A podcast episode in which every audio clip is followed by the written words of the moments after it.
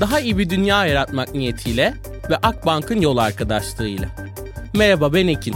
Onarım Atölyesi'nin podcast serisine hoş geldiniz.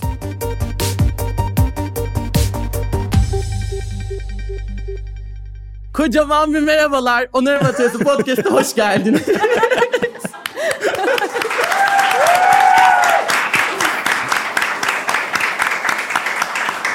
her bölümü bu kadar enerjik açmamla ilgili çok fazla olumlu reaksiyon alıyordum. Artık her bölümde dozajı daha da arttırarak gidiyorum. Bu bölüm aslında çok çok özel bir bölüm. Hem konukların gereğiyle hem de bulunduğumuz mekan ve karşımdaki şahane topluluk sebebiyle. Bu kaydı şu anda Bahçe Galata'da Onarım Atölyesi Podcast'ın dinleyici topluluğuyla birlikte hayata geçiriyoruz ve bu benim için çok özel. Bugün tiyatro dünyayı nasıl onarabilir sorusunu bir tiyatro sahnesinden Bahçe Galata'dan dünyaya soruyor olacağız ve sonrasında da Onarım Atölyesi Podcast'ın dinleyici topluluğundan da soruları alıyor olacağız.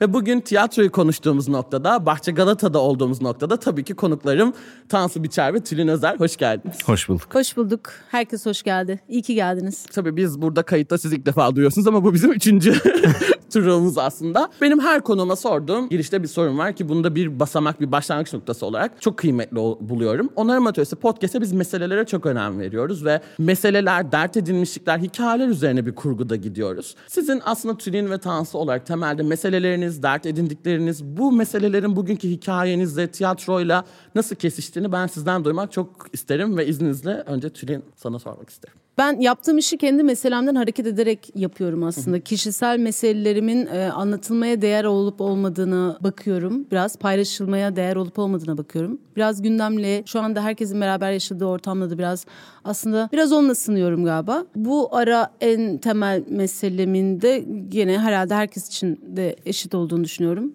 belki de yıllardır da zaten herkes için en temel meselelerden biri olduğunu düşünüyorum. Biraz adalet hissi olduğunu düşünüyorum. Hem bana yapılan davranışların adil olup olmadığı ile ilgili hem de değil bana e, benden daha farklı ayrıcalıklı gruplara yapılan şeylerin adil olup olmadığını gerçekten en temel mesele olarak dert ediyorum galiba şu anda. Yaptığım işin e, oyunculuk yapmanın en güzel kısmı, tiyatro yapmanın en güzel kısmı e, biraz mesele ve yaptığımız iş tavuk ve yumurta gibi bunlar birbirini doğuran şeyler. Yani bu meseleler olmadan yaptığımız iş de beslenmiyor. Yaptığımız iş olduğu için de biz her şeyi daha mesele eder bir hale geliyoruz ve burada mesele ediyor olmak son derece pozitif bir etki veriyor tabii hı hı. ki. Dolayısıyla aslında tiyatro ve mesele birbirini besleyen şeyler ama pozitif anlamda. Çok teşekkür ederim. Aslında adalet duygusu burada onarım atölyesinde de çok merkeze aldığımız bir konu. Çünkü biz bugün çevresel, sosyal eşitsizlikler bakımından adaleti konuştuğumuz bir noktada, iyileşmeyi konuştuğumuz bir noktada her şeyin temeline adaleti ve dağıtım sistemlerini almamız gerektiğini düşünüyoruz. Bugün çevresel krizlerin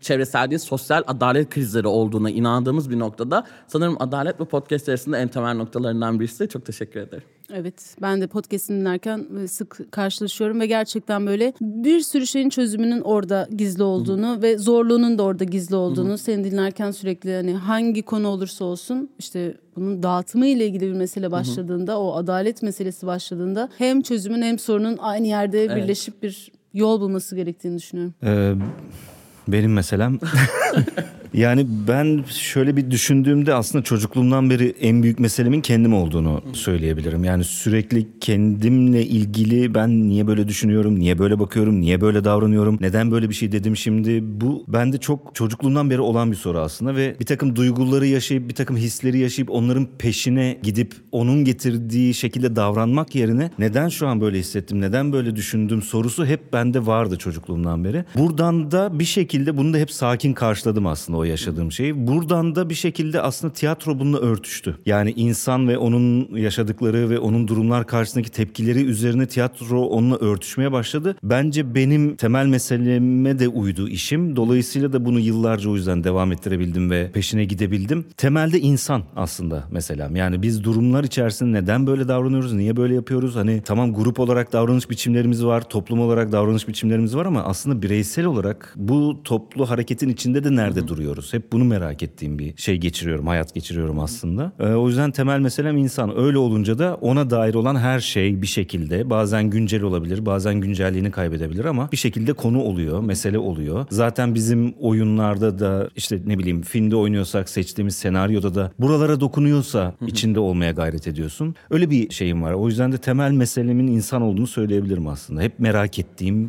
şey o aslında. Ya bu çok da kıymetli. Burada birkaç gün önce Nora 2 oyununu aslında ben izlediğimde de yani şeyden de bahsettik sonrasında da. Ya ben burada hem yüzleştim hem de sürekli kendimi bu hikayede ben nereye konumluyorum dışarıdan biri olarak. Buradaki Nora'nın isteklerini ve dünya üzerindeki arzularını nereye konumluyorum ve kim haklı? Bir bütün oyun boyunca aklımda bir haklılık aradığım dünyada nasıl dünyanın bize dayattığı sistemsel kalıplar içerisinde düşündüğümüzü de fark ettim. Çünkü sistem bize bir taraf seçmemizi, biri olmamamızı, bir yerde durmamızı ve hep orada kalmamızı öğütlerken ve oranın çarkını döndürmemizi öğütlerken ben Nora 2'de sürekli farklı taraflarla yüzleşen bir yerde buldum ve bir seçim yapmak zorunda olmadığımı gördüm. İnsana dair meselede de en önemli nokta belki de bu. Bugün bu değişkenliği ve akışkanlığı da görüp kabul edip ve bir yerde sabit durmamak durumunda olduğumuzu belki de görmek çok çok teşekkür ederim. Biraz daha konuyu sizden tiyatroya da çekmek istiyorum. Peki sizce tiyatronun meseleleri neler? Yani evet insana dair olan şeyler ama bugün tiyatro gerçekten bir provokasyon, bir yüzleşme, bir bir iyileştirme aracı olabilir mi? Tiyatro mesele nasıl edinebilir? Ve belki de bir paralelinde sonra edinmeli mi? Tiyatronun böyle bir fonksiyonu, böyle bir işlevi olmalı mı? Herhalde zaten evet yani mesele olmadan olamıyor gibi bir şey zaten bence tiyatro. Bir sürü şekilde yapılıyor ama kalıcı olan bize ulaşan o yüzlerce yılı geçip de gelen bütün oyunlar komedi olsa drama da olsa aslında bir meseleyi edinmiş oyunlar. Ve biz hala ne yazık ki bir taraftan tuhaf bir keyif alarak Aa onlar da aynı şeyleri dert ediyorlarmış. Aynı şey mi varmış ya? Gerçekten mi diyerek aslında Hiç mi değişmemiş falan? Evet. Gene gene yani hiç değişmeyecek gibi bir şey de var bizde. Bu herhalde insan böyle bir şey bir şeylerde değişmeyecek gibi yankısı da olabiliyor bu durumun ama bir tarafı da böyle yüzlerce yıl öncesindeki insanlara hala sarılıp birbirimizin derdini dinleyebileceğimiz bir şey de veriyor. Bir his de veriyor. Orası da güzel ama tiyatro mesele olmadan olabilecek bir şey değil belli ki. En azından yüzyılları aşanlar bir meseleyi edinmiş olanlar. Ve gene komedide var bu. Komedide de aynı şey var. Onun dışında soruyu biraz dağıtmış olabilirim. Bunu yapmak zorunda mı? Doğası gereği Doğası yapıyor hı. zaten. Yani bunu yapmadığı bir e, durum olmamış. Başlangıcı da öyle. En azından mesela Batı ile beraber öğrendiğimiz bir tiyatro var. Orası zaten öyle. E, bizim daha bu topraklarda olan e, şey de bir işte ateş başında derdini anlatmayla başlayan bir hikaye ise bu. Örnek olmakla ilgili ise bugün başıma bu geldiyle başlıyorsa zaten doğasında o var diye düşünüyorum. Yani evet sonuçta tiyatroda ne var? Bir tane izleyici var, bir tane oynayan var ve bunlar sadece gerçekten iki metrekare bir alan içerisinde bu e, eylemi gerçekleştirebiliyorlar. Hani dediğin gibi zamanında ateş başında e bugün ne yaptığını anlatmıyordu tabii ki. Başına bir şey geldiyse anlatıyor. Bir mesele varsa anlatıyor. O grubu ilgilendiren bir konu varsa anlatıyor. O gün o bir avsa o avda ne yaşandıysa onu anlatıyor. Yani bir mesele olmadan biri çıkıyor başına geleni ya da gördüğünü şahit olduğunu anlatıyor. Diğeri de bunu duymak için oraya geliyor. Aslında tiyatroda doğal olarak bir mesele etrafında buluşuyoruz ister istemez. O yüzden de seyirci de oyuncudan ya da yönetmenden daha az değerli değil. Yani sadece gelip izleyen değil, birlikte seyreden yani birlikte yol alan kişi aslında. Ve o meseleye birlikte bakan kişi. Dolayısıyla evet Nora'da o düşündüğün şey evet bize burası bu alanı açtı işte. Yani kendimize bu alanı açtık. Bir oyunu ele alırken onu bir takım satacak mı edecek mi işte biletimiz durumumuz falan bunları düşünmeden bunların hesabını yapmadan sadece gerçekten herkese hak verilebilen ve bu haklılık içerisinde bir seçim yapmak zorunluluğu hissedilmeyen ve insana dair bir durumu ortaya koymaya çalışan bir tiyatroyu yapma alanını açtık biz aslında burada kendimize. Yıllar içerisinde görüyorsun ki bir şekilde bir şeylerin tutması gerekiyor, biletinin satması gerekiyor. Bunun bir ekonomisi var, şusu var, busu var. Biz kendimizi bundan sıyırdık. Bundan sıyırmak da bizi iyileştiren şey oluyor aslında. Ve bunun içinde yıllarca bu deneyimi yaşaman gerekiyor işte ki sonunda artık kendi istediğim gibi yapmak istiyorum diyebilesin. Çok karıştırdım ben de. Çok çok iyiydi. Çok teşekkür ederim. de gidiyor.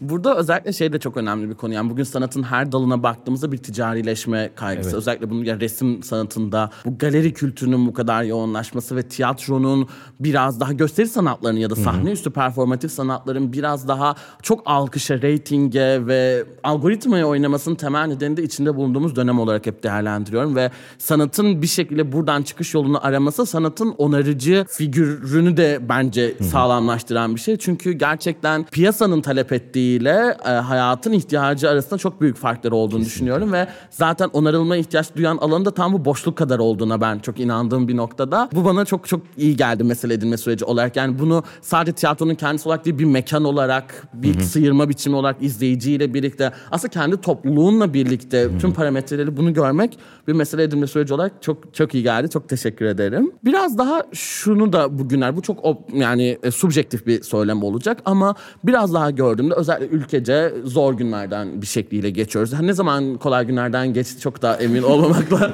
birlikte zor günlerden geçtiğimiz perspektifte biraz daha ev dışında yapabildiğimiz her aktiviteye bir şekilde böyle bir seyirlik eğlence ve bir eğlenme aracı olarak da gördüğümüz bir noktada tiyatronun bizim canımızı sıkma hakkı var mı diye de sormak istiyorum size. Yani hayattaki bu aksaklıkları bize gösterme noktasında tiyatro nasıl bir araç olabilir? Çünkü bizim bugün yüzleşmelere ihtiyacımız var. Yani bugün izlediğimiz bir oyundaki bir azınlık meselesinden bir cinsiyet meselesine çok büyük bir yüzleşme aracı da bence tiyatro. Siz buna nasıl bakıyorsunuz? Tiyatronun bir rahatsız edici olma hakkı var mı ve nasıl bugün ve nasıl bir yüzleşme aracı sizce? Rahatsız etme hakkı vardır. Bu o tiyatroyu yapan kişi yani sanatın üreticisi. Yani tiyatro özelinde de konuşmayalım. Sanatın üreticisi nasıl üretmek istiyorsa ve bunu insanlarla nasıl paylaşmak istiyorsa ona sonuna kadar hakkı vardır. İstediğini yapabilir. Mesela tiyatro özelinde de hakikaten seyirciyle birlikte yapıldığı için seyirciden bunun bir karşılığı olacaktır. Bu karşılık ne olacaktır? O sanatçı oradan nereye yönlenecektir? Bunlar hep birlikte yürüyen şeyler sonuçta. Yoksa tiyatronun ya da tiyatrocunun bir görevi vardır. Bunu uygulasın mı, uygulamasın mı? Görevlerin tanımında neler yazmaktadır? Böyle bir şey ben çok katılmıyorum. Çünkü bunu kurduğun zaman şunu da demiş oluyorsun. Bu işi sadece uzmanları yapabilir. Hayır yapamaz. Yani bunu canı ne yapmak istiyorsa bir insanın sanat konusunda tabii ki ben canım ameliyat yapmak istiyor diyemezsin. Ama canım tiyatro yapmak istiyor, canım resim yapmak istiyor, canım oyunculuk yapmak istiyor, canım yönetmenlik yapmak istiyor, heykel yapmak istiyorum diyebilmeli. Ve bunu her insan diyebilmeli. Sadece bunu yapmak istedikten sonra onun gerektirdiği şeyleri yapacaksa yani orası önemli. Anlatabildim mi? Yoksa iki şeyi üst üste koydum. Ne kadar da mimarım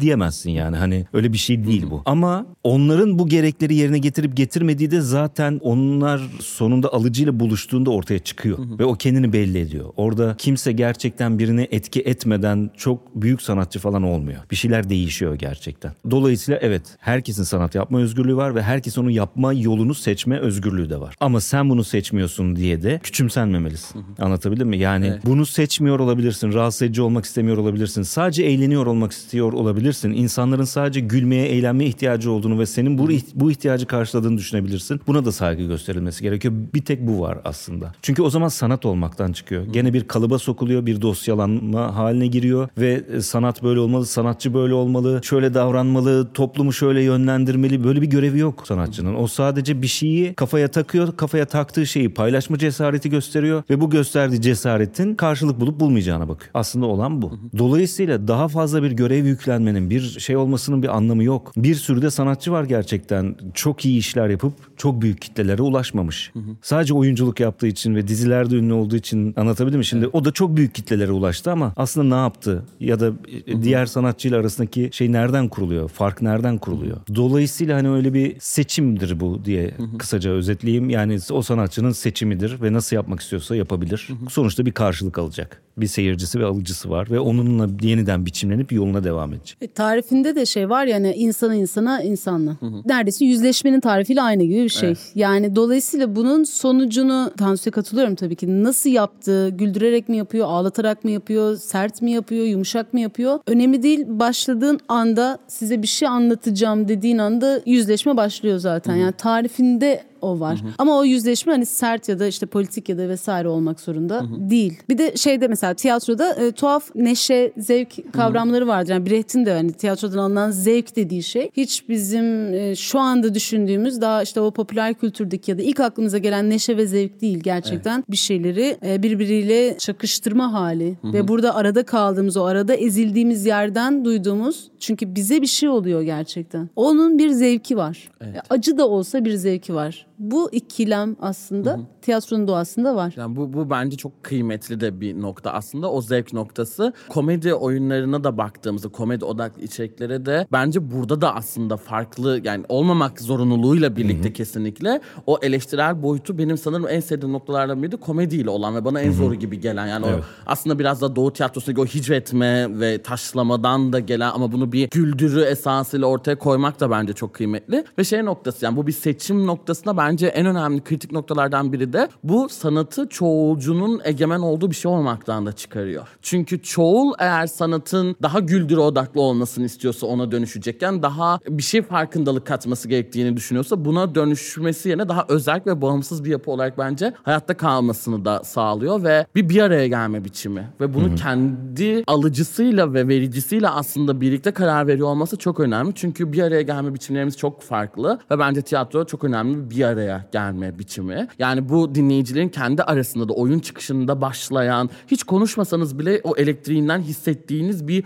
düşünce dolaşıyor aranızda gözlerinize baktığınızda. Özellikle bunu Bahçe Galata'da çok hissedebiliyorsunuz. Çünkü yanınızda her şey olup bitiyor ve aynı düzlemde hissediyorsunuz kendinizi tamamen oyuncuyla ve diğer izleyiciyle birlikte. O yüzden bu sanırım sanata bir şeyi atfetmek üzerine de çok önemli bir çıkış noktası gibi Evet. Yani bu e, bir araya gelmek dediğin ya mesela biz pandemide herkes bütün şeyi kütüphaneleri bitirdi yani dinledi, izledi, her şeyi yaptı mesela ama pandemi çıkışı tiyatroları açtığımız anda e, bütün tiyatrolar doldu taştı. Yani insanlar sadece bir şey izlemek için gelmiyorlar. E, Bir şeyle karşılaşmak için de geliyorlar. Bir canlı kanlı bir şeye şahit olmak için geliyorlar. Bu teması istiyorlar. Bir salonda bir takım insanlarla yan yana olmak istiyorlar. Yani sadece bir yere oturup da ona oynanan bir şeyi izlemek arzusuyla olmadı. O seziliyordu yani. Allah'ım sonunda açıldı ve geldik diye geldiler. Birçok mesela eski tiyatro izleyicisi maskesini takmış, her şeyini takmış olarak buraya geldi ve şeydi yani hani kimse bana karışamaz bu akşam oyun izliyorum gibiydi. Ama siz yaşlısınız artık falan. Hiç umurumda değil. Açılmasını bekliyorum yıl,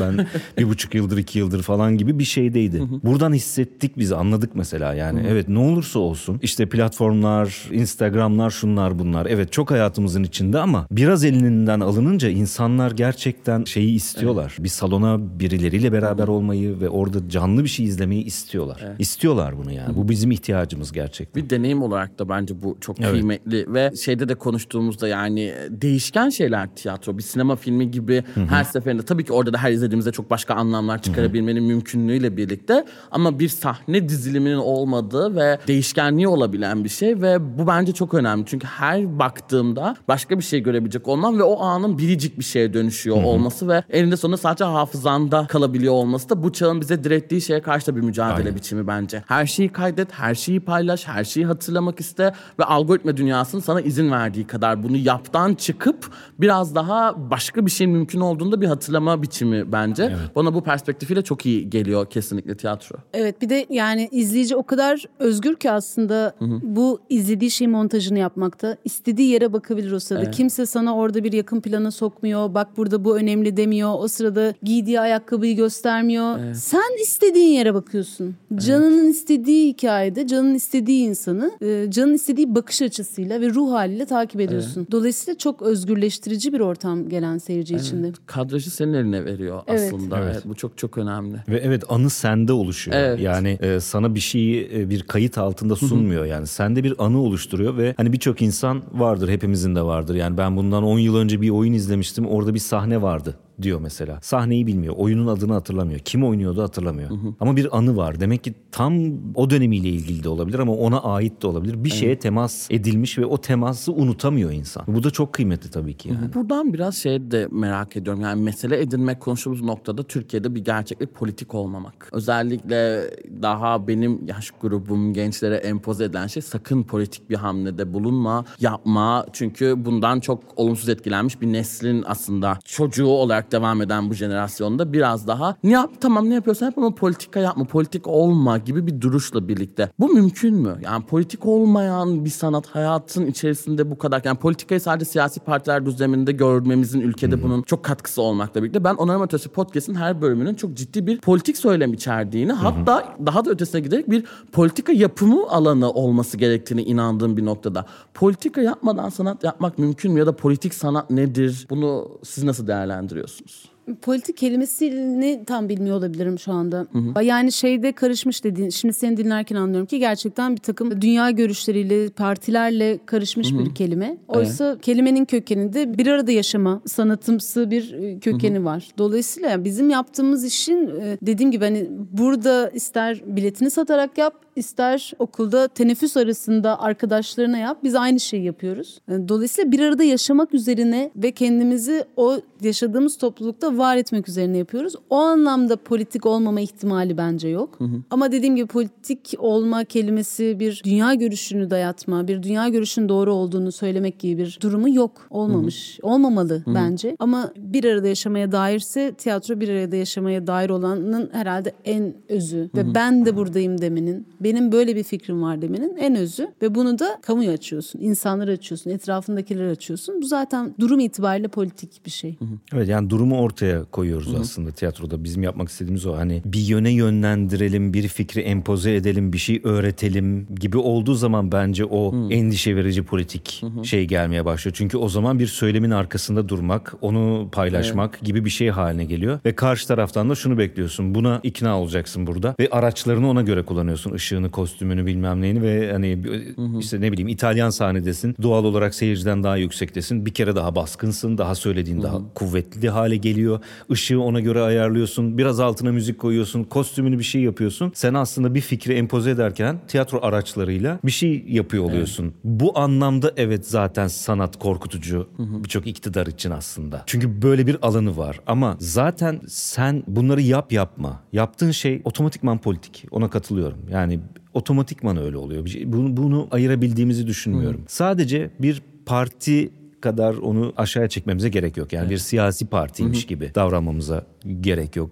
Politik olması demek illa bir siyasi görüşü paylaşması, onun etrafına toplananlarla birlikte ancak onu yapabiliyor olması demek değil yani. Durumlardan bahsediyoruz, insan içine girdiği hallerden bahsediyoruz. Bunların hepsi de politik tabii ki. Sonuçta tabii ki sen bir karakterle bir çıkmazı anlattığında tabii ki içinde yaşadığı sistemi anlatıyorsun. Yani nasıl olur da hani sen adını geçirme ama kapitalizmden bahsetmiş oluyorsun. Çünkü o onun sonuçları olarak zaten öyle davranıyor aslında. Sen üretici olarak da tarafsız olup orada hani kapitalizm kötüdür demek yerine kapitalizm diye bir sistem var. içinde yaşıyoruz birlikte ve böyle şeyler olabiliyor diye ortaya koyabilmen önemli. O aslında bir Orada da cesur olman gerekiyor. orada da cesur olman E, gerek. Benden rahatsız olacaklar. İnsanlar beni sevmeyecekler üzerine bir şey yaparsan işte orada tam ters politik oluyorsun. Ya da beni sevsinler ben böyle bir kimliğim benim kimliğimi de alkışlasınlar dediğin yerde tuhaf bir politika yapmış oluyorsun yani bizim diğer politika dediğim anlamda. Dolayısıyla ikisi de aslında doğru bir manipülasyonmuş gibi gelmiyor bana. Çünkü sevilmek için de yap- yapmıyor. Yani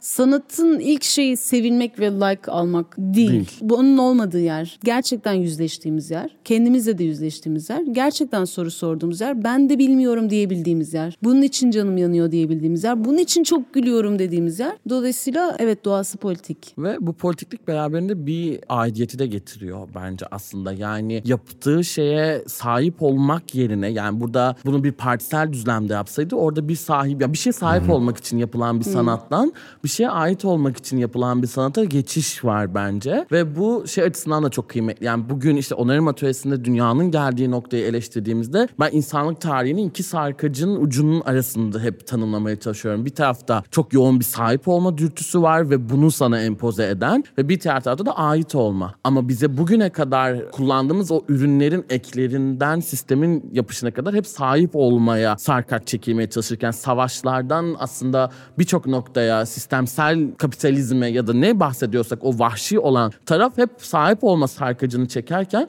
bugün bu sarkacı mümkün olduğunca ait olma tarafına getirme ihtiyacını hissediyorum. Podcast'te de bunu yapmaya çalışıyorum ve bu ait olma tarafına gelmeye çalışırken de kimseyi geride bırakmama dürtüsü de var. Yani hiç kimse geride kalmamalı ve bu bir dönüşümse bu sarkacın bu tarafa tarafa salınımı başlamış bir sistemsel iyileşme ise herkesle birlikte kolektif olmalı. Bu noktada tiyatro bizi bu sahip olmaktan ait olmaya nasıl çekilebilir? Ya da tiyatro bir kavram olarak sahibiyetten sizce aidiyete daha mı yakın ve tiyatro herkes için mi sizce? Erişilebilir bir şey mi? Bugün herkesin yapabileceği, erişebileceği bir parçası olabileceği bir kavram, bir özne mi tiyatro veya bu hale nasıl getirebiliriz? Ee, yani gene işte tariflerinden biri iki kalas bir heves. O kadar basit. Yani o, o anlamda diğer herhangi bir yapılan meslekten çok daha basit. Bütün aracı sensin, kullanabileceğin malzeme sensin. Senin fikir dünyanı ortaya koyuyorsun. Bunu da birileriyle paylaşıyorsun kadar. Yapımı çok basit bir şey aslında. Dediğim gibi bunu çünkü hani hakikaten biz teneffüslerimizde de yaptık. Büyük büyük salonlarda da yaptık. O ışıklar altında da yaptık. Bir dost sohbetinde de yaptık.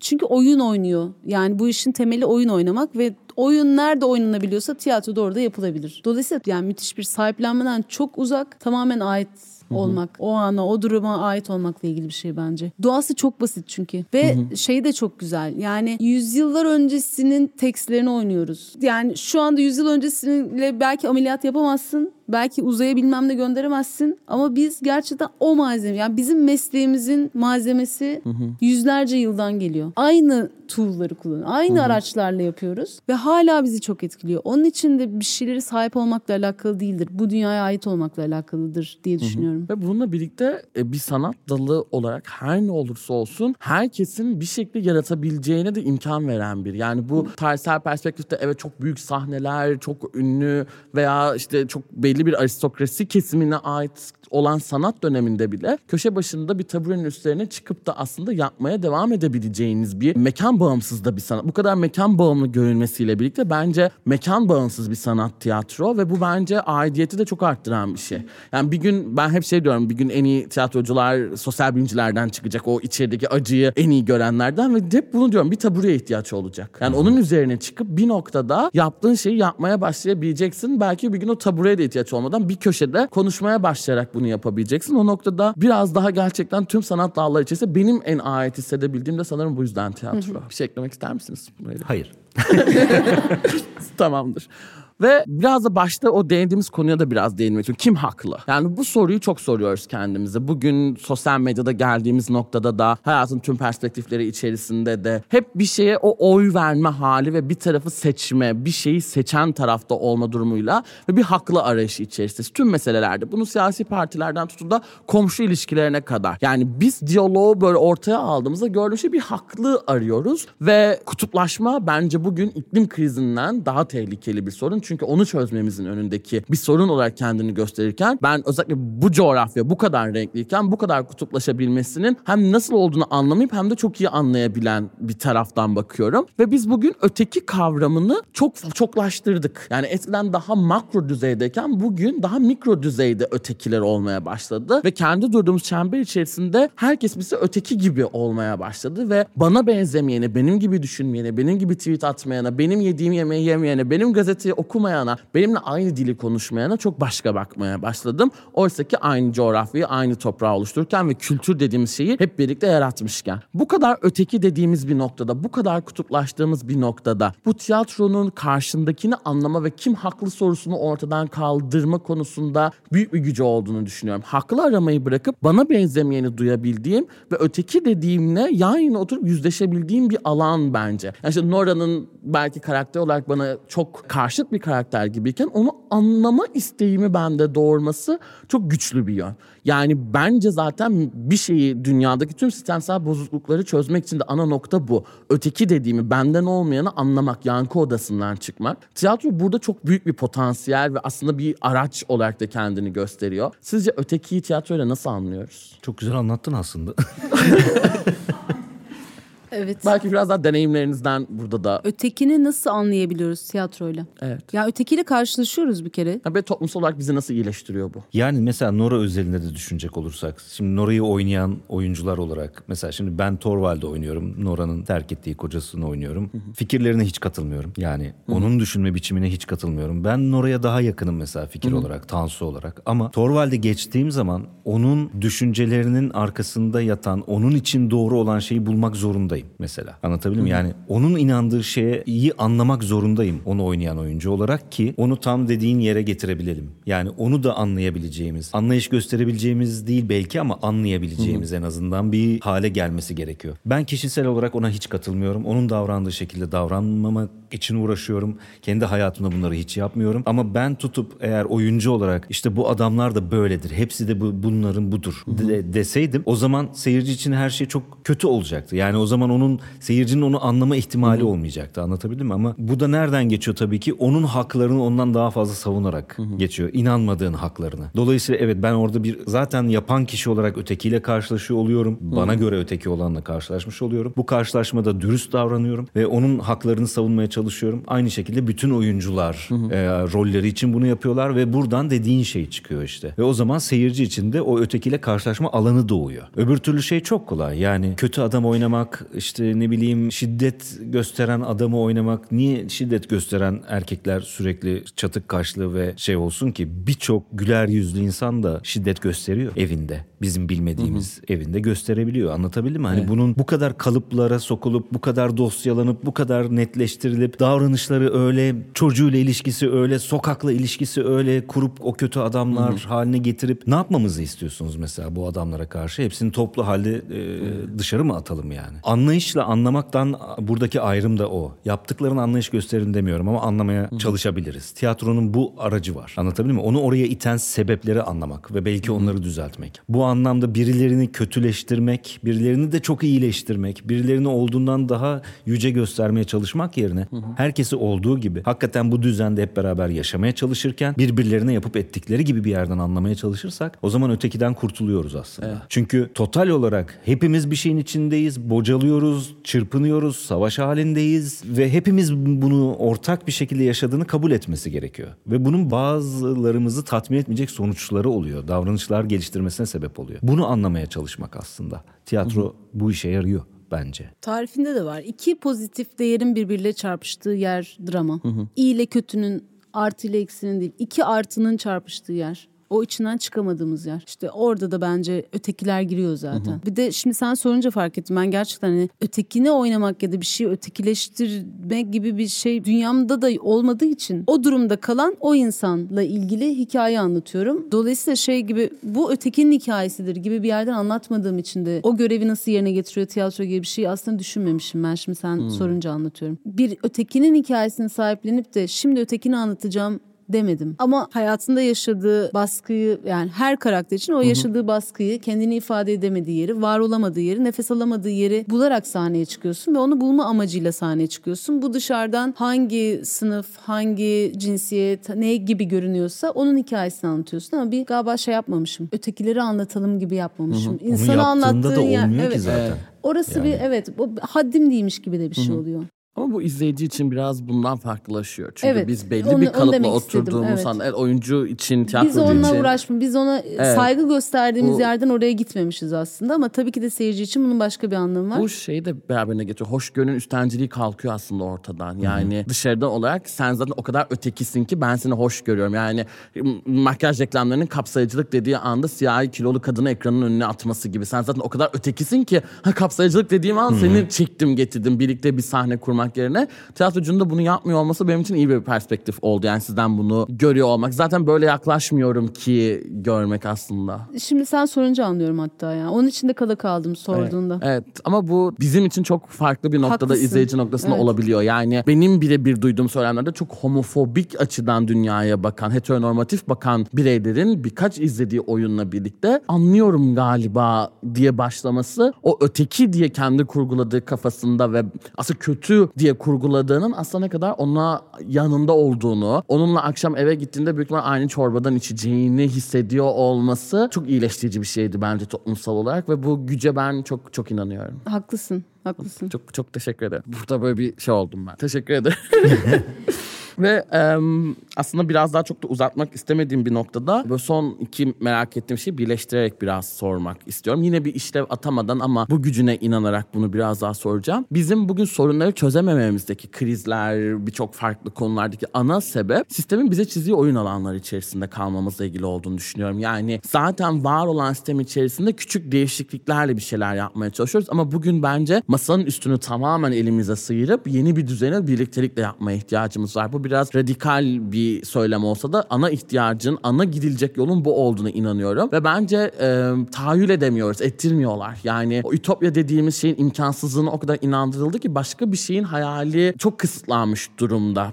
Herkes için, hepimiz için bir kutu içerisinde kaldığımız noktada. Tiyatro bu statikoyu, bu kutuyu nasıl yıkabilir ve bu çizginin dışında bir dünya hayali bize nasıl kurdurabilir sizce? Ve bu hayallerle biz bu statikoyu, bu yerleşmiş erk egemen sistemin tamamını alaşağı edebilir miyiz? Tiyatroyla.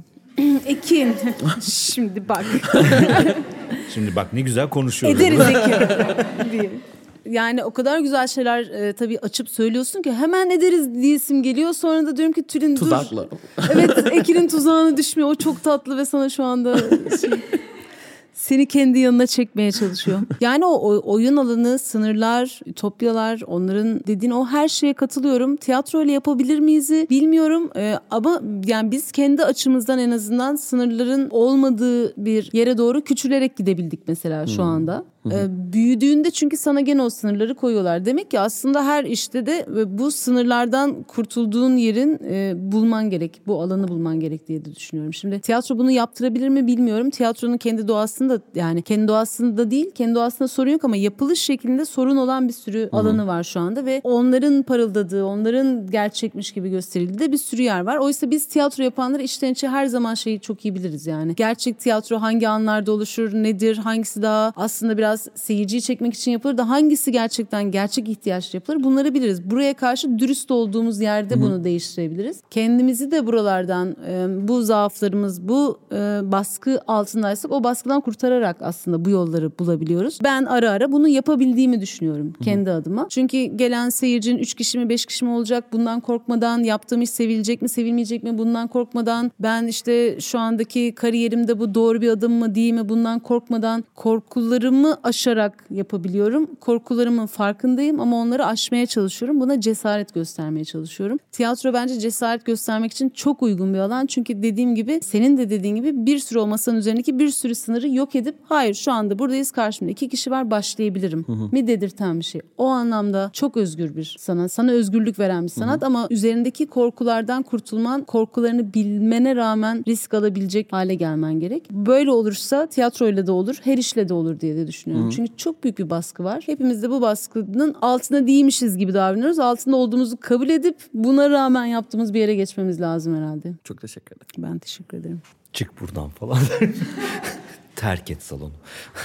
Ben bir an böyle bir şey geldi gözümün önüne. Şu an mesela hayal kurmak dedin ya o anlamda tiyatro tabii ki çok özgür. Eğer sahnedeki oyuncu hani bir an böyle baktığımda ben bir şey görüyorsam senin de ona bakasın evet. geliyor ya. Ben orada bir şey yok aslında. Ama ben görebiliyorum ve ben o melekelerimi geliştirmişim aslında ve sen doğal olarak oraya dönüyorsun ve bakmak istiyorsun. Sadece şu an bunu böyle gerçekleştirebiliyoruz ama dünyada bir yandan şuraya gidiyor. Hayal kuramıyorum dediğin anda işte anahtar kelimeleri girip sana o hayalin nasıl olabileceğini gösteren bir takım fotoğraflar yapan, videolar yapan aplikasyonların çıktığı bir dönemdeyiz. Hı hı. Yani o zaman şimdi insan hayal gücüyle, insanın hayal gücü dediği şeyle, insanın hayal kurmak dediği şeyle ilişkisi ne? Ve o nereye evriliyor? Ben o kadar böyle hani umutsuz bir yerden söylemiyorum bunu ama gittiğimiz yol da bir garip bir yandan baktığımızda. Çünkü gerçekten aslında bu kadarı yeterliydi. Buraya biz toplansaydık, ben burada bir şey hayal etseydim. İşte Kral Lear'ın tiradında esin rüzgarlar diye kafamı yukarı kaldırsaydım ve hani yağmurlar yağıyor deseydim ve sen inansaydın harika bir şey mesela. Yani unut, unutamadığımız o anlar onlar oluyor evet. işte. O yaşıyor, bir şey görüyor. Sen de onunla birlikte gördüğünü düşünüyorsun. Harika bir an. Şimdi bundan haz almayı nasıl bırakabiliriz? Bırakabilir miyiz? Zannetmiyorum bırakabileceğimizi ama hakikaten biraz önce dediğim o teknolojik gelişmelerde insanı insanı bir şeye düşürüyor yani. Tedirginliğe düşürüyor gerçekten. Yani bizi bundan koparıyor olabilirler ve buna direnmek gerekiyor bence. O anlamda da evet tiyatrolara biraz öyle bakarak öyle gitmeye çalışmak ve onları bu kadar da belki de merkeze koymamak gerekiyor. Bilmiyorum gerçekten. Şey bir e, bir çözüm önerisi olarak söylemiyorum bunu. Şu an gerçekten sesli düşünüyorum. Bir garip. Çünkü tiyatronun en temel şeyi. Ben hayal edeceğim, sen göreceksin ve beraber burada bir şey yaşayacağız. Ve o an, o gece, o saate özgü bir şey haline gelecek. Yani o oyunu sadece oradaki 60 kişi izlemiş oluyor. Bu müthiş bir şey mesela şey olarak yani o insanlarda yarattığı etki müthiş. Bu diğerinin daha kötü olduğu anlamına gelmiyor. O da başka bir gece yaşıyor. Şimdi bu çok kuvvetli ve harekete geçirici bir şey. Bundan vazgeçmemek lazım herhalde. Yani vazgeçmemeyi istemek lazım herhalde ve bunun için ne yapmam gerekiyor? Bence ben ne yapmalıyım deyip belki de bunun kendin için gerek e, şey yollarını bulmak gerekiyor belki. Evet ve bu yolların varılacak bir nokta değil de Evet. hep aranacak bir yer olduğunu Aynen. görmek belki Evet, de çok çok, doğru. çok önemli. Ve e, son olarak aslında hem tiyatro dünyayı nasıl onarabiliriyle ilgili son bir şey söylemek isterseniz onu duymak hem de her konuma sorduğum ortak sorum sizce umut var mı? Var. Tansu Biçer var dediyse şu an sevmeye başlayabiliriz. gerçekten. Gerçekten. Çok güzel. Bence var kesinlikle. Bence Yani de var. Umut bence de var canım. Tabii ki. Yani e, evet var. Sizce var mı? Var. Çok teşekkür ederim. Biz teşekkür ederiz. Çok teşekkürler. Bir sonraki bölümde görüşmek teşekkürler. üzere.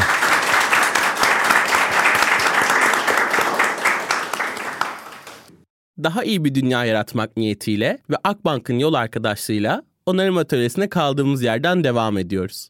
Ve şimdi aslında biraz daha yüzümüzü hızlıca diğer yöne daha çok dönüp dinleyicilerimizden de soru almak istiyoruz. Buyurunuz. Ee, Ben Ekin'in sorusunu tekrar etmek istiyorum aslında. Tiyatro gerçekten bizi onarabilir mi? Bir de bir şey. Ben eskiden Toplum Gönülleri Vakfı'nda çalışıyordum. Gençlerle çalışıyordum. Ee, deprem sebebiyle çok duymuşsunuzdur vakfın adını diye düşünüyorum. Ben 2016-2019 yılları arasında çalıştım. Benim başladığım sene bir gençlik araştırması yayınlanmıştı. Gençlerin %70'i, gönüllü gençlerin %70'i geleceğe karşı umutluydu. Ama sonradan bu Harvard Business Review'un yaptığı araştırmalarda bu umudun hepimiz düştüğüne sanırım e, şahit olduk. Ama yani böyle bir gündemde yani 2016'dan 2023'e gençlerin umudu düşerken sizce tiyatro bizi nasıl onarabilir? Sanat çünkü gerçekten sadece tiyatro değil bence kitap, film, diziler hep kendimizle de yüzleşmemizi sağlıyor ya. O noktadan bakarsak başladığımız noktadan tiyatro ne yapıyor bize? Ne yapabilir tekrardan onarmak için bize? Bana gelmediği için çok mutluyum. Kendimi tekrar edeceğimden korkuyorum ama tiyatro ile uğraşan herkes kendiyle uğraşmaya ve etrafındakilerle e, ilgilenmeye başlar. Ve bilmiyorum yani nasıl bir dünya hayal ettikleri için umutları yok. Onu bilmiyorum. Etraftaki baskının hepimiz farkındayız tabii ki ama ilişki kurduğun şeyleri güzelleştirerek yapabileceğin bir yerdeyse tiyatro zaten o ilişkileri düzenlemeye başlar. Çünkü tiyatro ile uğraşan her çocuğun, her ergenin düzeldiğini, kendini çok daha rahat ifade ettiğini ya bir kere kişisel olarak insana çok iyi gelen bir şey. Yani sanat da öyle, sporun belli şeyleri de öyle, tiyatro da öyle. Yani gelişme çağındaki insana bunu yapıyorsa hepimize de onardığını zaten düşünüyorum. Hani bu doğasında olan bir onarıcılık olduğunu düşünüyorum. Kendini ifade ederek onarılabileceksen tiyatro bunun en güzel araçlarından biri değil ki kendin gibi bir sürü insan olduğunu da görüyorsun. Yalnız olmadığını görüyorsun. Bir sürü şeyle aynı şekilde düşünen ya da farklı şekilde düşünüp bunu sana anlatmaya çalışan bir sürü insan olduğunu görüyorsun. Bunun başlı başına onarıcı olduğunu düşünüyorum. Ama yani cebine para koyup sana meslek verir mi? Vermez. Eğer o çocuklar ondan umutsuzsa ona yapabileceğimiz bir şey yok. Yani Türkiye'nin ekonomisinden umutsuzsa, yaşadıkları baskıdan dolayı umutsuzsa evet tiyatro bir devrim yapacak ya da insanların cebine para koyacak. Her tiyatroya gittiğinizde e, ertesi gün şu kadar parayla uyanacaksınız. Yapamaz. Bu çocukları ya da gençleri mutsuz edecekse ya da umutsuz hissettirecekse bilmiyorum ama bence umudu orada bulmuyoruz zaten diye düşünüyorum. Onu umudu bulmadığımız yerde tiyatronun esas yaptığı şey zaten tamamen onu düzeltmek, onu onarmak. Hani o noktada bir takım raporların dediği şeye tiyatro cevap olabilir mi? Olamaz. Ama o raporlara, o tikleri atan insanları kendini daha iyi, daha iyi ifade ediyorum, daha mutluyum. Evet benim gibi düşünmeyenler var ama evet benler de var. Dedirtebilir mi? Dedirtir. Yani ama nereye yandan- tik atarlar gene bilmiyorum yani. Evet yani bir yandan insan öyle bir varlık ki yani sen şimdi bu soruyu umudun var mı sorusunu baharın ilk gününde güneşi açmışken sormanla kışın tam ortasına sorman arasında insanda fark var. Yani gerçekten var. Yalan söylediği için değil öyle hissettiği için de var. O yüzden o sayılar o istatistikler o kadar da gerçekçi mi bilmiyorum. Bir yandan bakacak olursak 2. Dünya Savaşı dönemine de bu soru sorulsaydı ne olurdu? Şimdi biraz umut düşmüş düşebilir oluyorum da. Anlatabildim yani o zamanki umutsuzluğu düşünün. Oradan nerelere geldiğini düşünün. O zamanki insanın işte paylaşımını düşünün, eşitliğini düşünün. Şimdi nerelere geldiğini düşünün. Tamam yeterli mi? Değil ama yani o zaman umut edenlerle oldu bu zaten aslında. Dolayısıyla umut bir yerde var olan, ara sıra bize gelen ve kısmen de giden bir şey değil. Çok anlık da değişebilen, olaylara göre değişebilen, bulunduğun lokasyona göre değişebilen bir şey aslında. Anlatabildim mi? Yani Türkiye'de sorarsan e, tabii zorlanırsın o ce- cevapta. Ama yani ama hani depremin ertesi gününde o tek başına elinde bir tuvalet kağıdı getirebiliyorum diyen o insanları gördüğünde de umut var e, şimdi ona umutsuzluk derler de herhalde. De diyemeyiz oluyor yani. insan yani. Bir tane tuvalet kağıdıyla o sırayı bekliyordu yani. Bunu gönderin diye. Bir bölümde de umudu onarmayı konuşmuştuk. Tiyatro burada bir zemin hazırlıyor bence bize. Yani hayata farklılıkları o devam etme gücünü gördüğümüz noktada kırılgan olabileceğimizi, hep güçlü olmak zorunda olmadığımızı ve aslında dirençliliği de veren bir noktada bence umudun yıprandığı noktada onu onarmak için en azından benim bireysel deneyimimde bana bir güç veriyor. Ben bir gün Nora gibi kapıdan çıkıp gidebilirim mi de veriyor. Kalıp çocuklarıma bakabilirim mi de hissettiriyor. O yüzden farklı seçeneklerin ve farklı umut çıkış noktalarının olduğunu tiyatroda ben görüyorum bireysel olarak. Evet. Gene tekrar edecek misin sorunu sonra? Tamam. Merhaba, çok teşekkürler. Ee, Ben Furkan. Ee, Biraz şu noktayı merak ettim aslında. Evet işte tiyatronun belki yüzleştirici bir faktörü var. Belki harekete geçirici bir faktörü var. Düşündürücü bir faktörü var. Ama e, belki de tiyatro hala bugün sınırlı bir kitleye ulaşabilen de bir araç. Ve belki tiyatronun kitleleşmesi de onarımın neresinde sorusunu size sormak istedim. Çünkü bugün hala e, sınıfsal anlamda veya farklı gruplarda tiyatronun ne demek olduğunu bilmeyen bile ya da o tiyatronun bütün demin konuştuğumuz ümidimizi besleyen faktörlerinden hiçbir haber olmamış bir kitle içinde aslında tiyatronun nasıl kitleleşebileceğini, bugün 2023'te sahip olduğumuz araçlarla tiyatronun onarıcı gücünü nasıl arttırıp e, yaygınlaştırabileceğimize dair düşüncelerinizi merak ediyorum. Yani tiyatronun kitleleşebilmesi yani zaten aslında bu o kadar böyle total bir şey ki. Bu bizim okulda aldığımız eğitimle de başlıyor aslında. Ya da ne bileyim bugün siyasetçilerin mesela orada ne tiyatrolar döndüğünü biz biliyoruz demesi. Yani tiyatro öyle bir şey değil. Sadece yalanın olduğu, sadece milletin birbirini kandırmak için ne dolaplar çevirdiği bir yer değil ki tiyatro. Şimdi bize mesela bu söylemden vazgeçilmesi zaten gerekiyor. Yani orada ne filmler çeviriyorsunuz biz biliyoruz. Yani tamam anladık. Hani hikaye anlatıyoruz ama şey değil yalan söylemiyoruz aslında'nın bir anlaşılması gerekiyor. Ne bileyim okuldaysan senin öğretmenin tarafından senin buna şahit bırakılman gerekiyor. Yani tiyatroya götürülmen gerekiyor. Bu sadece tiyatrocuların yapabileceği bir şey değil. Sadece zaten tiyatroyla geçinmek de mümkün değil ki ben bir amme hizmeti olarak bunu yapayım. Ama bir yandan ne var? Belediyeler var mesela ve gerçekten ücretsiz oyunlar oynatıyorlar. Bu da oluyor. Olmuyor değil. Hani yok değil ama daha büyük kitlelere gitmesi demek onun bir kültür haline gelmesi demek. Yani toplumun her yerinde onun hissedilmesi demek. E sen bakış açınla tiyatroyu zaten hani günah gördüğün, yasak gördüğün ya da işte ne bileyim orada neler döndüğü belli değil. Gideceğiz orada bizim kafamızı karıştıracaklar. Onlar anarşist falan gibi bir yerden geliyor mesela tiyatro. Yani halbuki değil. Hani o tarafları da var ama yani öyle tiyatroda yapıldı evet ama tiyatro o değil. E bunun toplu halde bir kararın alınması gerekiyor. Dediğim gibi ben tiyatro sadece oyuncusuyla yönetmeniyle yapılmıyor ki seyircisiyle yapılıyor. Dolayısıyla seyircisinin de fikrinin önemi var. Onun da bir şey söylemesi gerekiyor tiyatro adına. Eğer tiyatro izlemeye devam etmek istiyorsa o zaman seyircinin de tiyatrosuna sahip çıkması gerekiyor aslında. Bunun için de kültürün oturması gerekiyor. Yani Türkiye'de tiyatronun seyircisi tiyatrosuna sahip çıkmıyor anlamında bir şey söylemiyorum. Hani dediğin şeyin büyümesi için izleyenin de olaya dahil olması gerekiyor. Yoksa biz kendi başımıza bir şeyler yapıyor halinde oluyoruz. O gün işim çıktı oyuna gidemedim. Ay bilet de almıştım ama yanmıştı. Ee, ay bilmiyorum onu o kadını hiç sevmiyorum. Gidip o oyunda izlemek istemiyorum. Lara sıkıştırırsan sen tiyatroyu o zaman o da tiyatroda kitleleşemez. Yani diziye yaptığın muameleyi ona yaparsan olmaz. Çünkü zaten sınırlı sayıda. Bu telefon değil ki platform değil ki milyonlarca insan içerisinde şey olsun. İşte 60 kişiye ulaşabilir. Yani bu akşam 60 kişiye ulaşabilir. Yani olayı bu. Hani bu kadar oluyor. O yüzden de böyle biz gerçekten hani diğer taraftan ne yaparsak yapalım eğitimde ya da ne bileyim biraz önce dediğim işte siyasilerin dilinde orada burada gerçek yerini bulamazsa çok da büyük bir şeye gidemez. Bence öyle. Ama asla yok olacak anlamına değil gelmiyor. Yani küçülerek yok olacak diye bir şey yok. Çünkü bir şekilde insan sen onu ne kadar sıkıştırırsan sıkıştır, vazgeçirirsen vazgeçir. Bir şekilde o canlı şeyi bir gün isteyecek. Yani diyelim ki tiyatro bitecek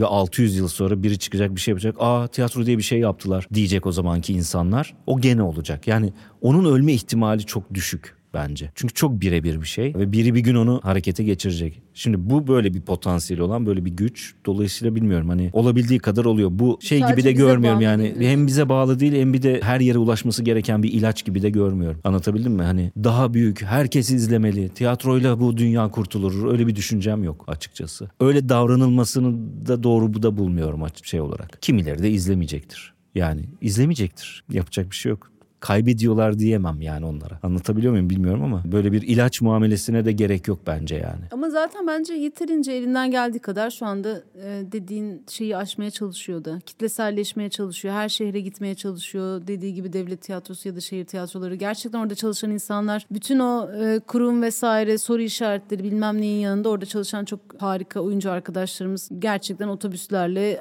o şehrin etraf işte o Her hani- şehre gidiyorlar Evet, mesela. o bölgedeki bütün şehirlere gitmeye çalışıyorlar. Çok da makul fiyatlara gitmeye çalışıyorlar. Belki ulaşabilecekleri... Ücretsiz gidiyorlar birçok yere. Yani köylere ücretsiz gidiyorlar mesela. gidiyorlar. Birçok yere de ulaşıyor. Onun için ulaşıp ulaşmadığı konusunu yani Tansu'nun dediği gibi milyon ulaşma ihtimali yok. Çünkü hani tiyatro çok sen geleceksin ben geleceğim kapasite ne kadarsa o kadar kişiye ulaşabiliyor. Bir gecede bilmem ne kadar insana follower'a ulaşmıyor tabii ki. Ama e, elinden geldiği kadar da ulaşıyor. Şu anda bence atıyorum hani deprem bölgesinde çalışan bir sürü tiyatrocu arkadaşımız var. O bölgedeki o çocuklara şu anda çocuklarıdır tabii ki ama ya da gençleredir. Onlara da ulaşmaya çalışıyorlar. Tiyatro ulaşmaya çalışır zaten. Elinden geleni de yapar o konuda. Ama hani işte e, Tansu'nun dediği yine orada katılıyorum. Yani bir sürü bakış açısıyla da engelleniyor. Onda da savaşama yani kan dökülmesine tiyatro yani kan dökmecesine tiyatro yapmıyoruz. Belki o konuda haklı olabilirsin ama onun dışında elimizden gelen her yere gidip her şeyi yapıyoruz. Benden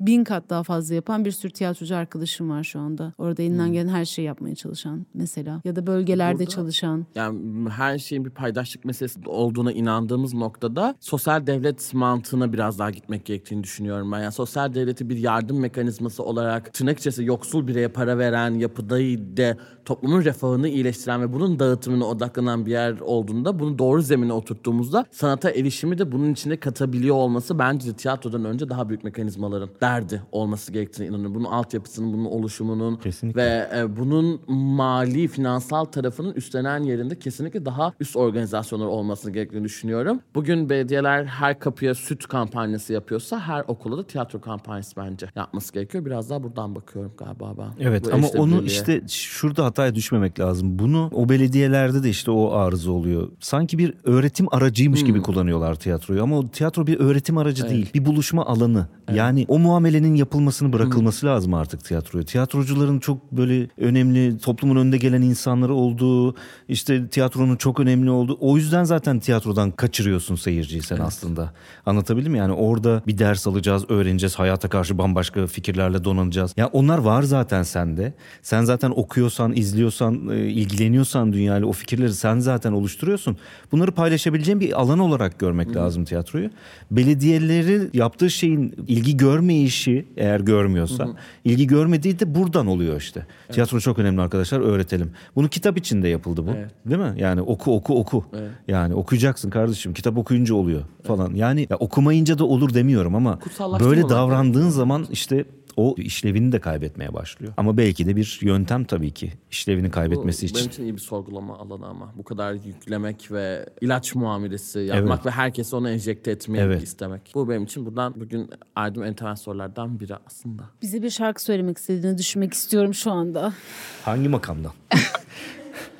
Kürdi'yi çok severim ama o başka bir mesele. E, Ben şunu sormak istiyorum. İktidarın söylemiyle bir seyirci üzerinden karşılaştığınızda ne hissediyorsunuz ve bunun hayal kırıklığını nasıl onarıyorsunuz? Şuna geleceğim. Yaşadığım bir örnekten aklıma geldi. Siz seyirciyle ilgili bahsedince özellikle. Şimdi iktidarın söyleminde e, müziği çistaka çistaka bir şey olarak görüp her herhangi bir kötü bir şeyde kısma gibi bir ya da fişi çekme gibi bir misyon var. Ve bu e, benim en büyük sarsıntım sahne aldığım bir yerde bunun bir dinleyicide karşılığını görmek oldu. Yani yanınıza birinin gelip ya artık hareketliye mi geçsek? Hani bunu görünce aslında o hayal kırıklığı bende günün sonunda eve geldiğimde evet ben ne yapıyorum? Ve üç gün hiç müzik dinlememek gibi oldu. Yani herhalde bu ilk bir öfkeyi patlatmak gibi bir şey oldu. Bunu bir izleyicide gördüğünüzde veya gördünüzse kişisel olarak nasıl onarıyorsunuz merak ediyorum. Yani şöyle mi acaba? Hani iyiye nasıl çok fazla anlam yüklememek gerekiyorsa ki iyinin anlamını düşürüp acaba kötüyü öyle nötrlemek mi? Yoksa daha başka bildiğiniz bir yol var mı? Çünkü ben iyiyi nötrleyerek buldum kendi içimde bunun.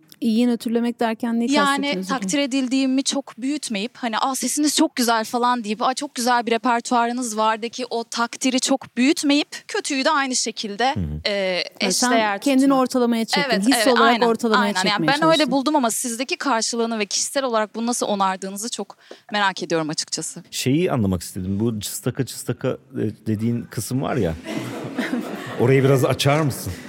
Yani şöyle e, şimdi müzik Yani şöyle sana dediği şey neydi? Onu anlayamadım. Hani biraz hareketliye mi geçsek derken sen ne yapıyordun ki? şu biraz üzdüm herhalde yani. Ha tamam. O da Be- belli üzüldü ve evet. sıkıldı ve oradan biraz hareketlenelim demek istiyor aslında Evet mı? belki şöyle bir şey de olabilir. Yani şunu da düşündüm. Hani hemen öfkelenip de üç gün müziği kesmeden önce dedim ki acaba hani müzik evet yani belki de sadece insanları oyalamak için mi şu an? Çünkü çok derdimiz var. Evet çok meselelerimiz var ve belki de şunu da düşünüyor olabilir. Ya ben bugün buraya eğlenmeye geldim ve hakikaten de bir şey düşünmeden sadece müzik dinlemek istiyorumu da. Ya bu hakkı da ona Kötü tanıdım. zamanların aracı olamazmış gibi Evet, evet, yani- sanat gibi. iktidarın yüklediği misyonu bir izleyicide ve dinleyicide görmenin yaşattığı sarsıntıyı aslında nasıl onardığınızı çok merak ediyorum. Deprem oldu nasıl tiyatro yaparsın? Evet evet o yani direkt oralara geliyor. Oysa biz neredeyse meslek hayatımızın çoğunu depremler olabilir ne olur önlem alalım gibi bir takım şeyler söylüyoruz aslında. Yani akıl akıllı olalım, mantıklı olalım, bilimsel olalım, kendimizi sorgulayalım falan dediğin yerde deprem oluyor ve sanki ben yapmışımcasına e, yani tiyatro yapmışçasına ya da müzik yapmışçasına onu engelleyip e, geri kalan neredeyse e, olmasına neden olan her sektöründe çalışmasına izin vererek devam ediyorlar. Aa onlar yaptı gene onlar çalışıyor falan oluyorsun tabii ki. Ya bunlar bir soru ve bununla mücadele ediyorsun tabii ki. Kendi psikolojin ve dayanıklılığınla da bence benim için değişiyor mesela o dediğin şey. Ama burada şu geliyor mu gelmiyor mu onu düşünmek lazım herhalde kişisel olarak. Ben beğenilmek istiyorum olabilir ve biri geldi beni beğenmedi ve bu beni aslında biraz alaşağı ediyor gibi bir şeyimiz de olabilir. Ya da ben bunu zaten seven ve sevmeyen insanlar için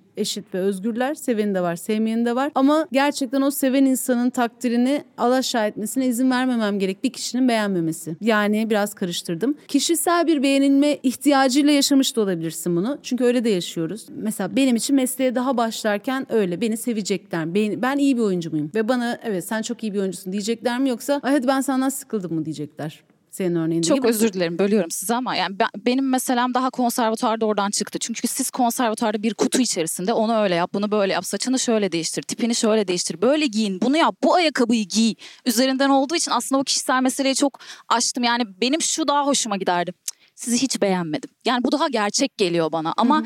iktidarın yorumunu direkt görünce yani iktidarın müziğe yüklediği misyonu karşımda görünce evet o bayağı sarsıcı oldu. Yani hadi onlar evet zaten çıstaka çıstaka görüyorlar ama keşke beğenmeseydiniz mesela. Hani onu daha gerçek daha evet beğenmeye de bilir. Sesim çok kötü de olabilir. Gerçekten kötü Sen bir bunu hiç performanstı. kişisel algılamadım Tülin diyorsun. Evet, Burası o mesele Evet değil. o değil tamam. çünkü Hı hı. ona alıştım ben ona konservatuarda alıştım yani e, bir kutu içerisinde o şekil evet benim istediğim gibi olacaksın meselesine ben orada çok alıştım yani o orada kaldı ama iktidarın söylemini bir izleyicide bir dinleyicide görmek zaten asıl Ama işte yani bir, bir taraftan da bu işi eğer onu seviyorsan sen zaten daha muhalifte kaldığın bir yerde yapıyorsun ve burada bir muhalif yap yani muhalif bir şekilde yaptığın ya da bir şeyin hayır ben onu değil bunu yapmak istiyorum. Bunun kıymetli olduğunu düşünüyorum ve genel e, bakış açısı bu olmayabilir ama ben bunu yapacağım diye bir inatla yapıyorsun muhalif demeyeyim hadi. Bir inatla sahipleniyorsun. Bu inat kırılmaya çalışılacak. Buna bunlar yapılacak. Burada bir dayanıklılık geliştirmek gerekiyor. Senin sevdiğin şeyi biz sevmeyeceğiz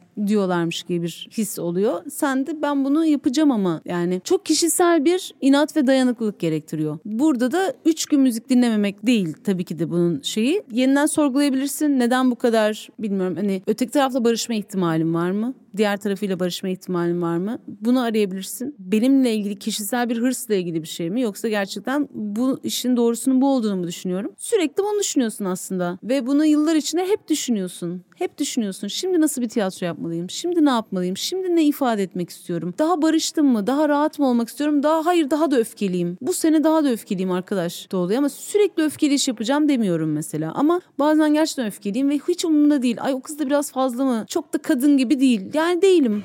Yani o Nora o kadar evet kadın değil. O kadar mor da değil arkadaşlar falan oluyorum. Yani öyle hissetmiyorum ya. Ve bunu böyle yapacağım. Ve evet daha çok alkışlayacağınızı da biliyorum ben onu bilmem ne tonlasaydım burasının ayağa kalkıp yıkılıp haydi 8 Mart olacağını biliyorum ama bence öyle değil şu anda durduğumuz yer diyorum mesela kendi içimde. Ve bunun inadıyla yapıyorum ve evet o kadar alkış almıyorum. Ve bunu ben seçtim. Bunu sen seçtin. Bunu bilmek gerekiyor. Bununla beraber büyümek gerekiyor. Büyümek derken buna daha da sahiplenmek değil bakacaksın gibi. Ee, ama bununla uğraşıyorsun kişisel olarak eğer bir inadın varsa sürekli birileriyle uğraşıyorsun. Bu iktidar söylemi falan gibi de kabul etmiyorum yani. O ke- kendi kişisel şeyi de olabilir. Yani belki o kadar sert bakmamak da olabilir bazı şeylere. Bir de birinin gelip siz orada bilmem ne yapmıştınız, bilmem neyi oynamıştınız, benim bilmem ne hikayemle çok örtüşüyordu diyen insanın beğenisini bir kişinin olumsuzluğuyla alaşağı edemezsin. Onu daha kıymetli bulamazsın. Yani seni beğenmeyen bir kişiyi beğenen insanlardan daha kıymetli bulmak olabiliyor bizim yaptığımız işte. Dediğim gibi o beğenilmekle ilgili bir soru var çünkü. Yıllar içinde değişiyor.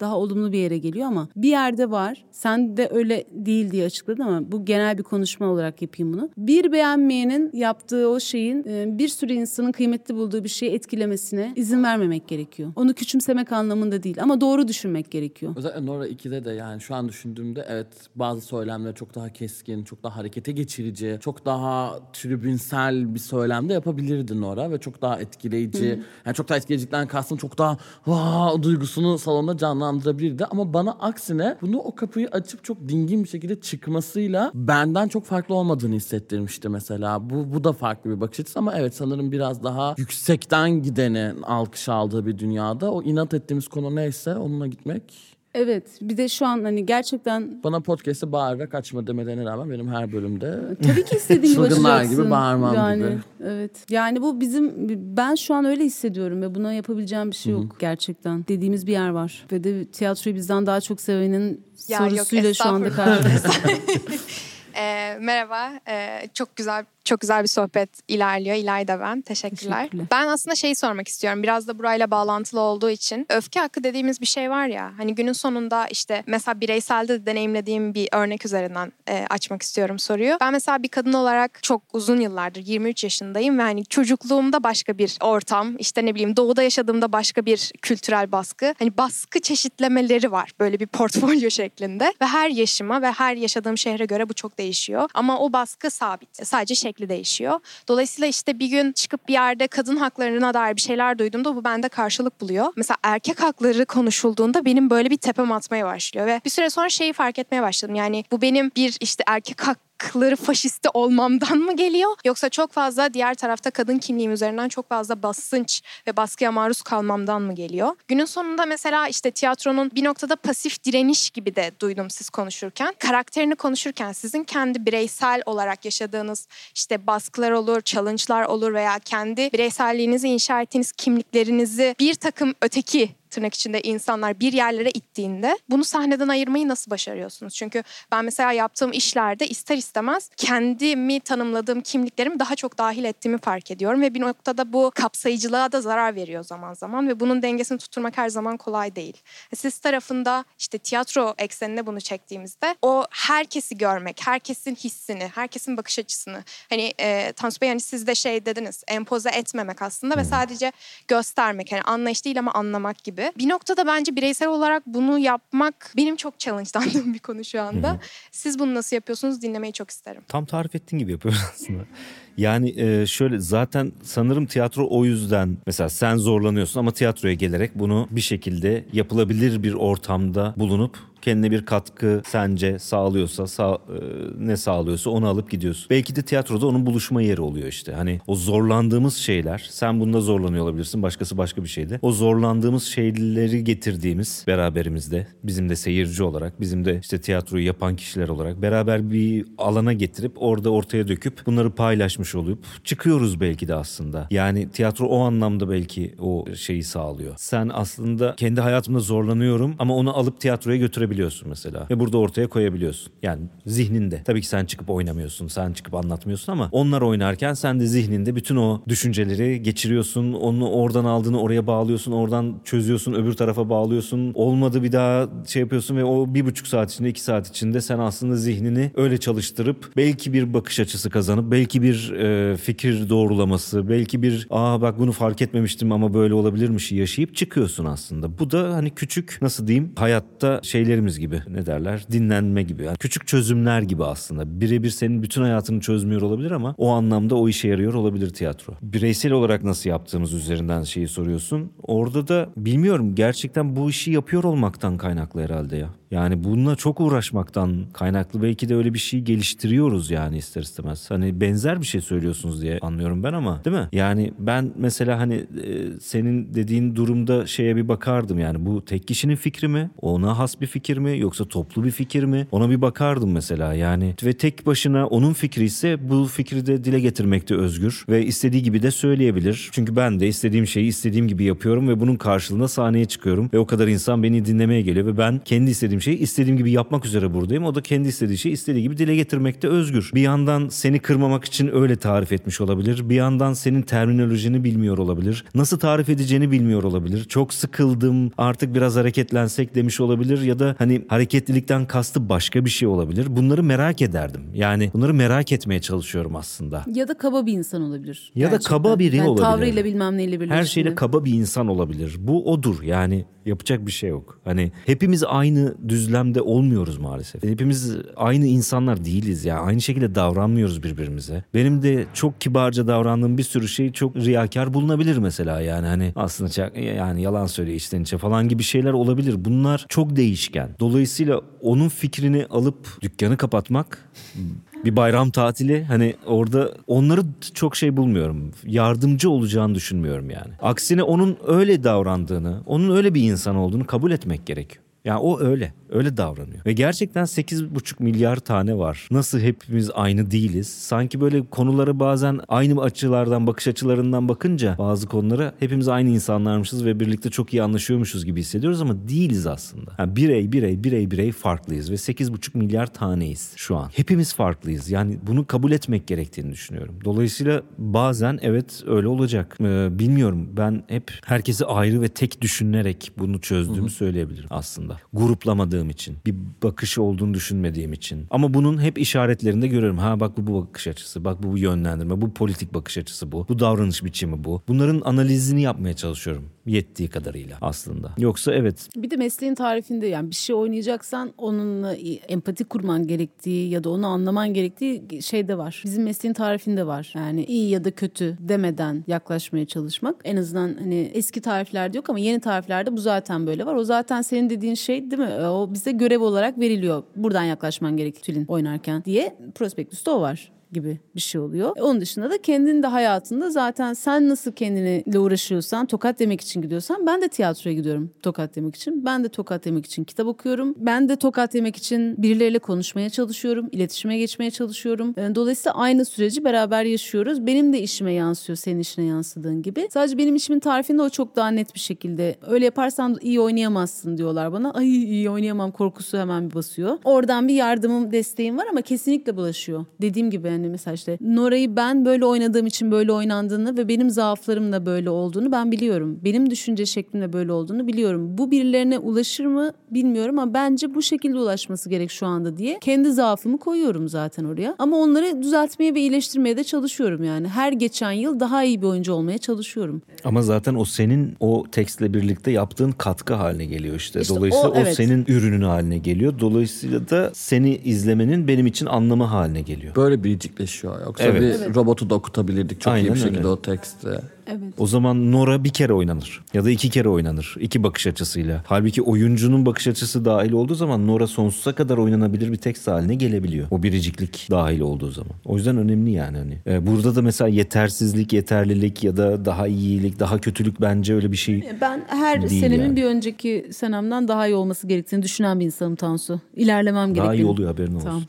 bir soru daha var sanırım. Merhabalar, teşekkür ederim. Ben de şunu söylemek istiyorum. Siz tiyatroya gelen insanların hiçbirisinin hikayesini bilmiyorsunuz neredeyse. Ve e, ama onların hayatına belki bir noktada bir sözle, yaptığınız tiyatroyla, yaptığınız işle dokunabiliyorsunuz. Yani buna eminim dokunuyorsunuz. Ve bu kontekstler, bu e, içerikler nasıl oluşturuluyor eğer siz oluşturuyorsanız? Mesela Nora'nın içeriğini siz oluşturduysanız nereden esinlendiniz? Kendi hayatınızdan veya yaşadığınız bir olaydan, bir duygudan, bir histen mi yola çıkıyorsunuz tiyatroların içeriklerini oluştururken? Ee, işte o mesele ilk konuşumuz, mesele ettiğimiz şeyle eğer benim bir meselem varsa yaşadığım şeyle ilgili bu kesin birilerinin de meselesidir diye aslında başlıyor bendeki süreç. Nora ama zaten yazılı bir teksti. Orada onu seçmemizin nedeni birçok bakış açısı var ve e, evet tek bir kişi haklı gibi durmuyor. Dolayısıyla böyle bir şey yapalım dediğimiz. Kahramanlaştırma yok içinde. Evet. Öyle bir öyle açık bir tekst olduğu için onu seçtik. Ama genel olarak yani ben dediğim gibi benim meselemse ben e, sadece bunu tek hisseden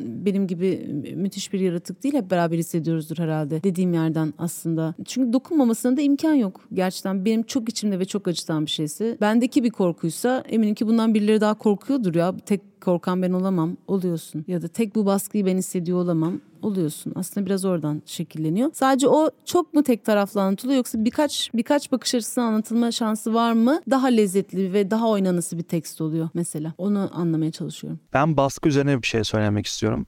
Gittikçe duyarlaşıyoruz. Daha duyarlı oluyoruz, hassas oluyoruz. Ülkemizde gelişen hareketler, kadın hareketleri, LGBT artı hareketleri, hayvan hakları üzerine çalışan vakıflar biz daha hassas yapıyor. Daha bazı konularda farklı düşünmeye başlıyoruz. Peki bizim bu düşüncelerimiz sizi etkiliyor mu? Örnek vermek gerekirse ben bir kadın şiddet olayı görmek istemiyorum tiyatroda ya da küçük bir çocuğa zarar verildiğini görmek istemiyorum. Bu sizi oynarken e, ya da yazarken sınırlı alanları çekiyorum. Çünkü biz iyi olsun istiyoruz. Çocuk zarar görecekken bir anda dursun istiyoruz, görmesin istiyoruz. Ama hayat böyle değil.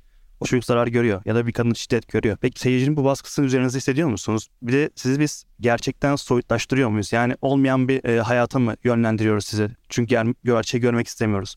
Bu bizi daha mutlu ediyor. Hı hı. Ne güzel bir soru. Çok güzel soru evet. Aslında o tiyatro hangi toplumun içinde yapılıyorsa ve o toplum nereye doğru evriliyorsa tiyatroda bir şekilde oraya doğru evriliyor tabii ki. Sen mesela bunu e, çocuğa şiddeti sahnede görmek istemiyorsun. E ben de yapmak da istemiyorum zaten.